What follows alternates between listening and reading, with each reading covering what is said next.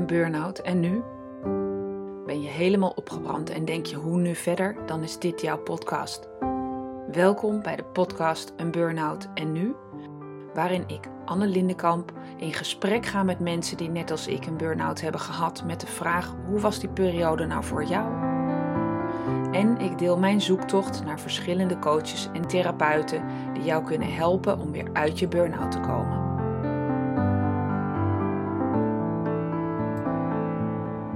In de reeks gesprekken met mensen die zelf een burn-out hebben ervaren, deze week een bijzonder interview met kunstenares Mirna. Mirna voelde tijdens haar jeugd een enorme competitiedrang met haar twee jaar oudere zus en een diep gewortelde bewijsdrang om een perfecte dochter voor haar ouders te zijn. De streber in haar was vanaf dat moment een feit. Een zesje halen voor een proefwerk voelde dan ook echt als een onvoldoende. In ons gesprek noemt ze dat ik werd een slaaf van mijn gedachten. Na het behalen van haar diploma ging ze studeren aan de Radboud Universiteit in Nijmegen.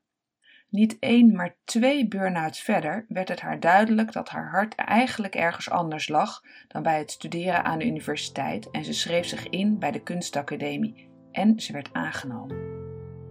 Luister naar ons gesprek over haar gevoel om de controle kwijt te raken. Altijd alles goed willen doen en opgekropte kinderwoede. Over onbewuste overtuigingen en de kracht van jezelf zijn.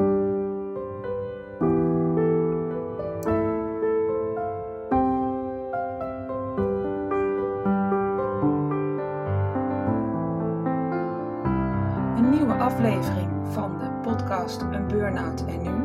Vandaag praat ik met Mirna, is net als ik ervaringsdeskundige in het hebben van, uh, van een burn-out. Welkom Mirna. En Mirna, mag ik direct met een vraag uh, in huis vallen? Hoe was jouw allereerste dag dat je officieel realiseerde: ik kan niet meer, ik heb een burn-out? Kan je eens dat omschrijven? Ja, dankjewel Anne voor je uitnodiging. De eerste dag, uh, ja, ik ben dus twee keer burn-out geweest en ik weet me nog goed herinneren dat de eerste dag dat ik ja, eigenlijk thuis kwam te zitten, dat dat was op het moment dat ik bij een callcenterbedrijf werkte uh, voor een telecombedrijf. En um, ja, ik had het gevoel dat alles eigenlijk door mijn handen heen glipte. Ik, ik vond het heel eng, want ik, ik, was, ik was de controle kwijt. Ik zat op een afdeling waar we ja, heel, heel veel gebeld werden door mensen die boos waren. Want ik zat op een gebruikersserviceafdeling. Uh, en um, op een gegeven moment moest ik zelfs huilen als ik lieve mensen aan de lijn had die heel begripvol waren. En ik kan me nog herinneren dat het op dat moment uh, op een gegeven moment gewoon niet meer ging. En dat ik naar huis ben gegaan en jankend in de auto achter het stuur zat. Ja, ik kan me dat zo goed voorstellen dat je het op een gegeven moment niet meer uh, gewoon niet meer ziet en ook niet meer weet hoe je eruit komt. Want was dit, uh, was dit je droombaan of was dit een tussenbaan waar je, waar je uh, werkte in het callcenter? Nee, het was niet mijn droombaan. Ik, ik was gestopt met twee studies, teruggekeerd naar de woonplaats waar mijn ouders nog woonden. En, en ben maar gaan werken om eigenlijk een beetje achter te komen wat ik nou wilde. Want dat wist ik niet zo goed. toen ik net terugkwam uit Nijmegen, bij het callcenter kon werken, maar toen bij een soort steunpunt waar ik uh, ook mensen mocht begeleiden en inwerken. En uh, dat vond ik heel erg leuk. Maar op het moment dat ik in die burn-out kwam, zat ik op een afdeling en hadden ze nog niet direct de functie om uh, mensen te begeleiden. Maar ze hadden gezegd, als je een jaar aan de telefoon zit, dan kun je doorstromen in die nieuwe functie. Na twee weken had ik eigenlijk al zoiets van, moet ik dit een jaar lang gaan volhouden? En dat ging gewoon veel, steeds meer energie kosten. En uh, ja, op een gegeven moment uh, ja, kon ik gewoon niet meer bijtanken. En was alles te veel. Nee, en ik kan me voorstellen hè, dat je dan op dat moment denkt: alles is te veel in je baan. En je hebt dus ook al twee studies uh, niet positief afgerond. Ik kan me mhm. voorstellen dat het niet heel erg fijn was voor je eigen waarde op dat moment. Nee, zeker niet. Nee. Nee, ik zat er continu in twijfel, ja, wat wil ik nou? En ik voelde me mislukt, want ik was natuurlijk ook al wat ouder. En ja, dat gaat wel allemaal meespelen. Ja, en, en kon je met je ouders daar, daarover praten? Voelde je daar gehoor van, van uh, uh, ik trek het nu even niet? Dat ik trek het niet, daar, daar kon ik wel met mijn ouders over praten. Het, het gevoel dat ik had, Niet zozeer, want die hadden zoiets van, uh, je hebt je opleidingen, of je, ja, je hebt toch je VWO-diploma en de wereld ligt aan je voeten. En heel veel mensen om me heen hadden zoiets van, waar maak jij je nou druk over? Maar ik, uh, ja, ik had zoiets, ja zeker als je dan denkt van, ja, je, je wil naar je opleiding studeren. En uh, ik had eigenlijk al helemaal uitgestippeld hoe mijn leven eruit zou komen te zien. Ja, als dat dan tegenvalt, is dat niet goed voor je eigen waarde, nee. Nee, en, en het uitgestippelde leven, was dat je, je droomleven met je liefste wens? Of was dat gewoon een soort van perfecte versie van als het er zo uitziet, dan ben ik geslaagd? Ja, inderdaad. Wat jij noemt inderdaad, dat geslaagd. Als ik dat en dat en dat heb, of als ik daar en daar en daar ben, dan ben ik gelukkig. Of dan, dan ben ik geslaagd. Zo zag ik dat. Dus ik was inderdaad heel vaak bezig met hoe het plaatje, het perfecte plaatje eruit moest zien. En dan ben je eigenlijk alleen maar bezig met de toekomst, maar niet in het nu aan het leven. En, um, want ik, hè, ik hoor je zeggen, je was bezig met het perfecte plaatje. Maar was dat dan ook je diepste wens, wat je, wat je echt heel graag zou willen doen? Zat dat ook in dat plaatje verweven? Uh, niet zozeer wat ik qua werk zou willen doen. Het ging er meer om dat ik uh, eigenlijk zoiets had van, nou, op mijn 23ste uh, heb ik mijn universitaire studie afgerond. En dan heb ik in de tussentijd mijn uh, partner ontmoet. We hebben een wereldreis gaan maken voor mijn dertigste twee kinderen. of misschien drie. Meer op die manier. En nou ja, ik was natuurlijk al iets ouder. Ik begon richting de dertig aan te lopen. En ja, van het plaatje klopte niks. En, en dit was de eerste burn-out en heb ja. je het daarna nog een keer gekregen, vertelde je? Klopt, ja.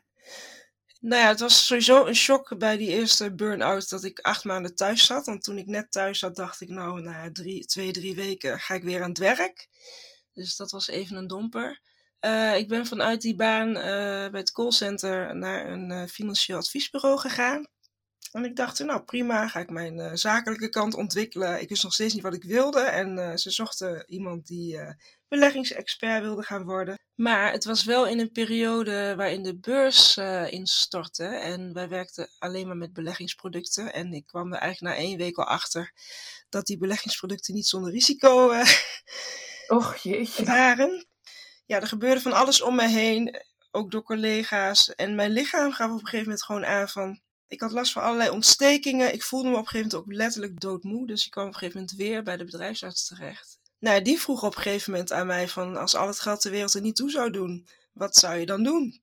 Nou, toen vloepte ik eruit toch naar de kunstacademie. Oh, want dat was je diepste wens, de kunstacademie. Ja. Wauw. Ja. Dat is echt iets heel anders dan financieel beheer of een contactcenter. Heel anders inderdaad. En ik moet zeggen dat mijn zus wel vaker tegen me zei van... Ach, je bent creatief, daar moet je iets mee doen. En ik zei de hele tijd, ja, maar je kunt ook creatief zijn in, uh, in iets anders, in het denken. Maar ja, dat was iets wat onbewust toch in mij leefde. Dus ja, uiteindelijk ben ik toch uh, daarvoor gegaan. En daar ben ik nog steeds heel erg blij om. Ja, ja dus je bent gewoon na, na je twee studies en veel werken. Hè, je noemt een paar keer, ik was toch al wat ouder. Dus, dus je was ook een van de oudere studenten op de kunstacademie. Ja, ik ben uh, op mijn 29ste ben ik naar de kunstacademie gegaan.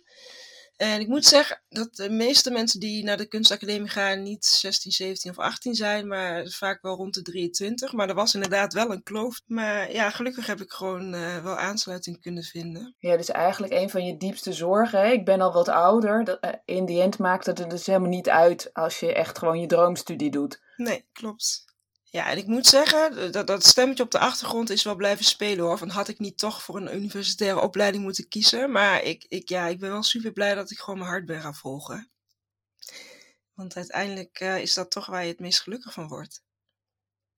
Ja, en, en toen je studie was afgerond, hè, uh, want je we hebt nu twee keer die, die burn-out meegemaakt en de signalen meegemaakt. Mhm. Voel je nu ook meer aan van, uh, oh ik ga te ver of ik ga over mijn grens? Of is dat helemaal niet meer aan de orde, nu je echt uh, je opleiding hebt af? En ik neem aan dat je je werk hebt gemaakt van, als, dat je kunstenares bent.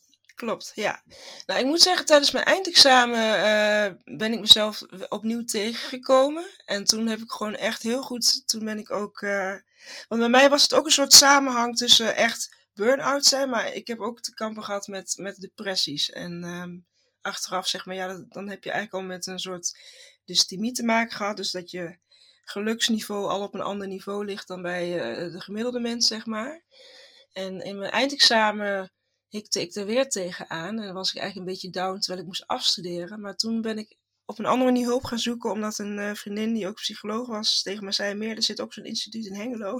Ga daar alsjeblieft naartoe. Ze kunnen je helpen. En ik dacht: Ja, ik zit de hele tijd in mijn hoofd, dat gaat niet helpen. Maar uiteindelijk is dat wel een van de laatste puzzelstukjes voor mij geweest, waardoor ik uh, nu heel anders in het leven sta. Um, want het is inderdaad. Um, in eerste instantie had ik, eh, toen ik die eerste burn-out had, ook niet zoiets van: ik, ik ben een perfectionist of zo. Ik had zoiets van: ja, maar het is toch logisch dat je alles zo goed mogelijk wil uitvoeren? Hoezo perfectionist? En, en ik keek ook naar mensen omheen, ja, maar die doet ook van alles. En juist ook tijdens mijn eindexamen kwam ik bij iemand en die zei: je kunt niet in alles uitblinken, want uh, niet alles hoeft een tien te zijn. Dus, um, en het is heel lastig als je altijd naar die tien streeft en ik nam ook wel genoegen met, met achter. Maar een zesje vond ik altijd alles voelen als een onvoldoende, zeg maar. maar uh, om gewoon ook te accepteren dat niet alles, uh, dat het huishouden niet altijd perfect tip-top in orde hoeft te zijn. En uh, dat ik af en toe best steekjes mag laten vallen. En dat ik best eens wat later mag reageren op een mailtje in mijn mailbox. Dat soort dingen. die hebben wel geholpen. Maar ook gewoon puur kijken naar hoeveel uren heb ik in een dag. En hoeveel uren wil ik aan iets besteden. Dat, daar bleek ook een discrepantie in te zijn. Dus uh, ja, gewoon ook echt realistisch kijken naar wat is er überhaupt mogelijk. En, uh, en ik ben nog steeds wel af en toe aan het kijken naar uh, of bijstellen. Ik heb in de periode destijds gezegd van nou, ik mag tot negen uur s avonds werken. Ik ben nu zelfs naar, ik mag uh, tot zes uur werken en dan heb ik nog een vrije avond.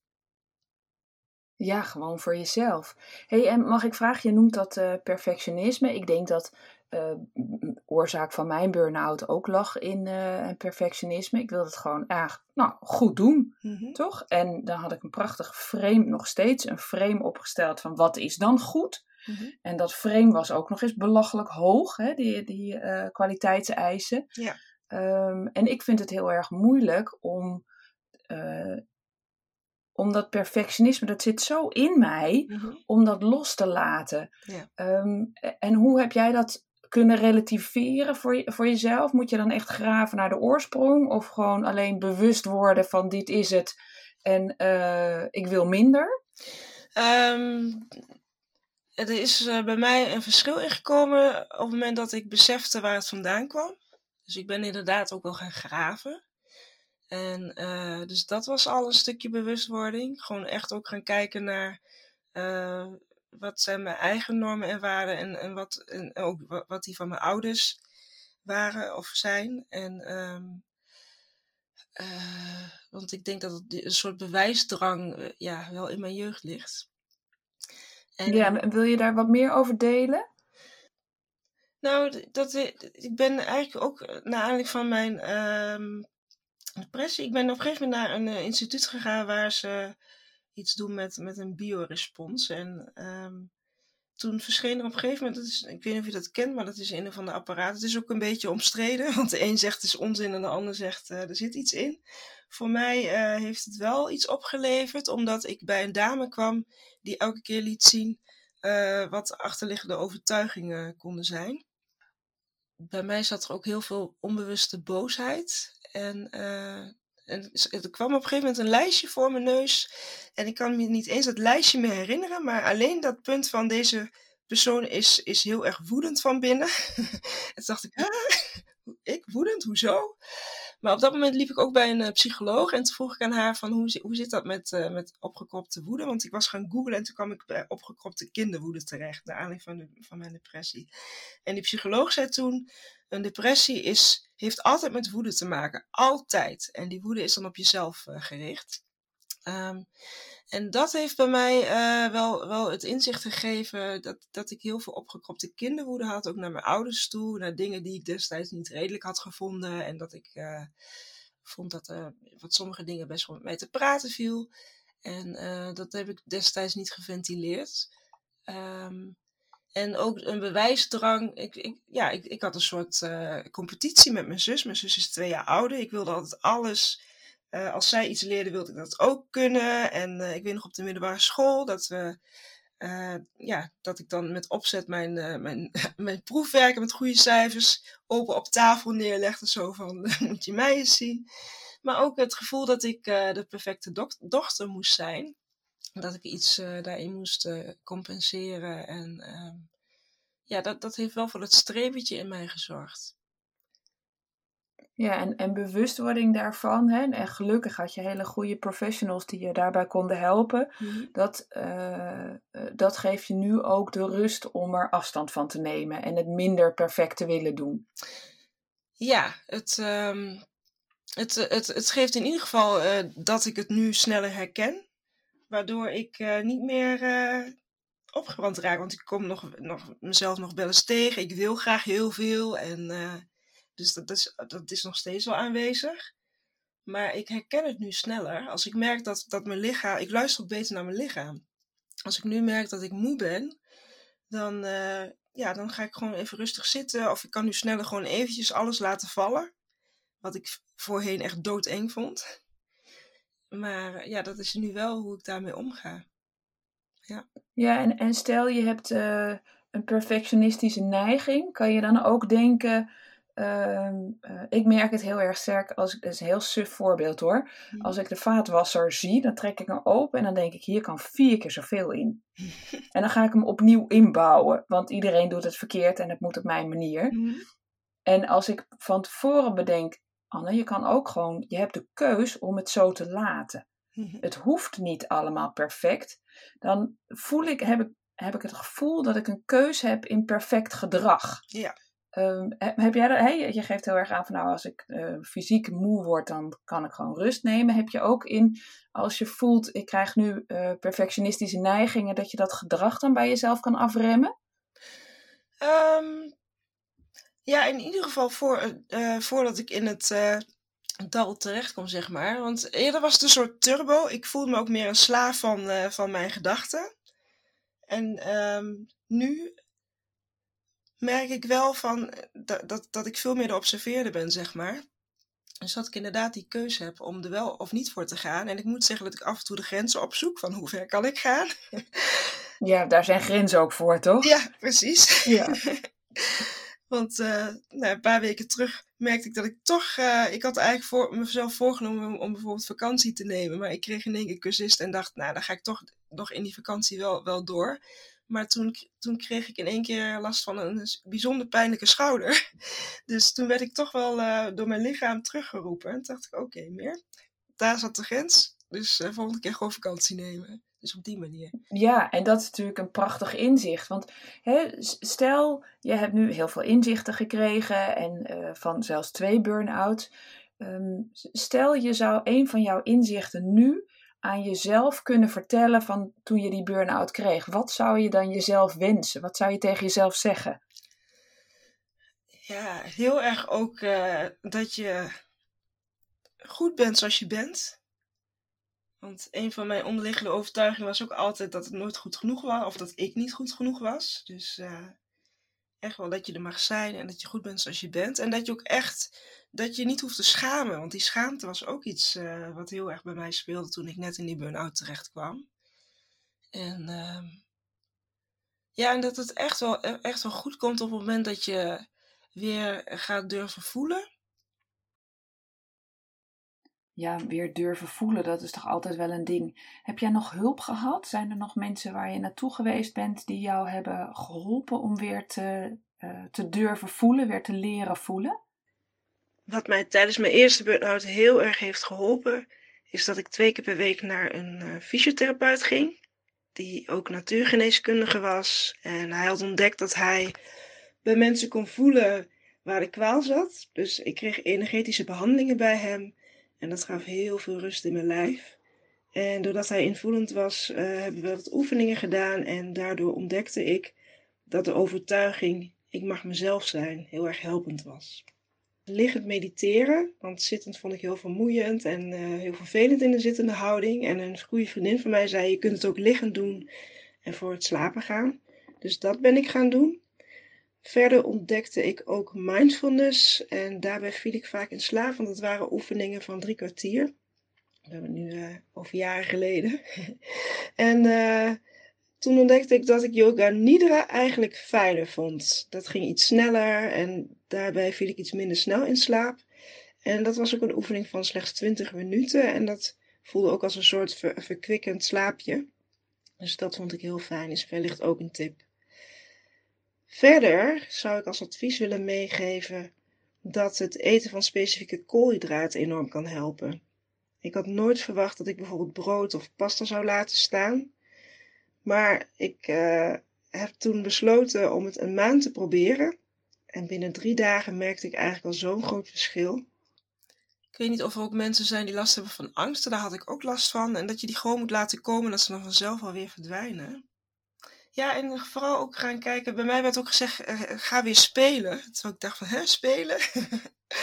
maar die, dat spelen heb ik heel erg gevonden ja, in creativiteit met beeldende middelen. Maar als dat voor iemand anders muziek is of iets beluisteren of kijken, ga daar vooral aandacht aan schenken. En ook uh, ja, zoek iemand op in je omgeving met, met, wie, je, met wie je daarover kan praten. Dus, uh, want ik schaamde me heel erg, maar ik had heel veel lieve mensen in mijn omgeving. En dat heeft me heel veel goed gedaan. Ja, ik ken, eh, die, die schaamte die jij noemt, dat had ik ontzettend. Mm. En daar heb ik echt wel weken over gedaan voordat ik mijn eigen uh, burn-out naar mezelf toe durfde te erkennen. Hè? Want ik had echt het gevoel, nou, ik heb het dus niet gered. En dat vond ik uh, zwak van mezelf. Mm -hmm. En het heeft echt wel even geduurd voordat ik uh, onze vrienden heb verteld waarom ik thuis zat. Ik vond dat gênant. Had ik ook. En ik dacht ook, ben ik me niet aan het aanstellen? dat... Nee, ook. En ik dacht ook, ik slaap wel even bij. Ik bedoel, als ik nou gewoon een week met mijn hoofd onder mijn kussen lig, dan slaap ik gewoon even bij. En dan daarna ben ik er gewoon weer. Ja, en dat, ik weet niet hoe het in de situatie van anderen is. Bij mij was het ook zo dat ik uh, bij die eerste burn-out een uh, leidinggevende had die tegen mij zei dat ik ontslag moest nemen. Dus dat legde ook een druk en een soort schuldgevoel op mij. Want uh, ze vond dat ik overgekwalificeerd was. Maar gelukkig had de bedrijf, bedrijfsarts zoiets van: nee, je neemt pas een beslissing op het moment dat je beter bent. En het feit dat die man er was, dat heeft mij ook wel heel veel geholpen. En uh, nou, die opende zich ook. Die vertelde ook dat hij ook wel een burn-out had gehad en een depressie had gehad. Dus dat, dat gaf mij ook wel enigszins um, ja, een soort geruststelling. Ja, dat kan ik me zeker goed voorstellen dat dat een geruststelling is. Hey, en je zei in het begin, ik uh, had echt een perfect plaatje in mijn hoofd. Hè, uh, 30, wereldreis, kinderen. Um, maar heb je het perfecte plaatje bereikt? Het perfecte plaatje. Nou, uiteindelijk heb ik mijn droomreis niet gemaakt. Ik ben wel naar Suriname geweest, wat echt een heel lang gekoesterde droom van mij is geweest. Want dan ben ik eigenlijk alleen op mijn zesde geweest. En gelukkig heb ik dat dus twee jaar geleden opnieuw mogen doen. Uh, daarnaast, um, ja, ik ben in de tussentijd wel moeder geworden. Inmiddels alleenstaande moeder.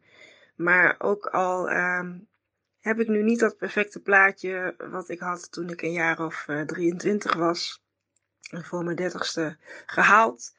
Ben ik toch een heel erg gelukkige mens. En ik zit niet meer met die existentiële vragen waar ik destijds mee zat. Dus dat is sowieso al heel erg fijn. En ik zie het leven als een heel mooie reis. Een goed avontuur. Mirna, mag ik je bedanken voor dit prachtige interview.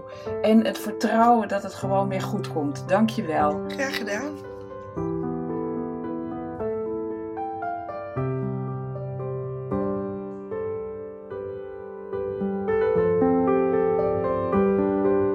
Dit is alweer het einde van de podcast Een Burnout en Nu. Fijn dat je luisterde. Deze podcast is onderdeel van mijn missie. Ik help graag zoveel mogelijk mensen bij het zetten van die eerste stap van herstel als je helemaal bent opgebrand. Wil jij ervaren hoe ik jou kan helpen? Maak dan een afspraak op de website eenburnoutennu.nl. Daar kan je ook mijn gratis e-book downloaden met 11 tips voor meer energie. Weet jij een bijzonder persoon of een bijzondere therapie die anderen zou kunnen helpen bij hun herstel? Laat het me weten. Je kan me vinden op Facebook of Insta onder Anne Lindenkamp en stuur me dan direct een DM of ga even naar de website eenburnoutennu.nl/slash contact. Hoor je nou graag meer van deze inspirerende gesprekken? Abonneer je dan even, dan hoef je niets te missen. Tot de volgende aflevering.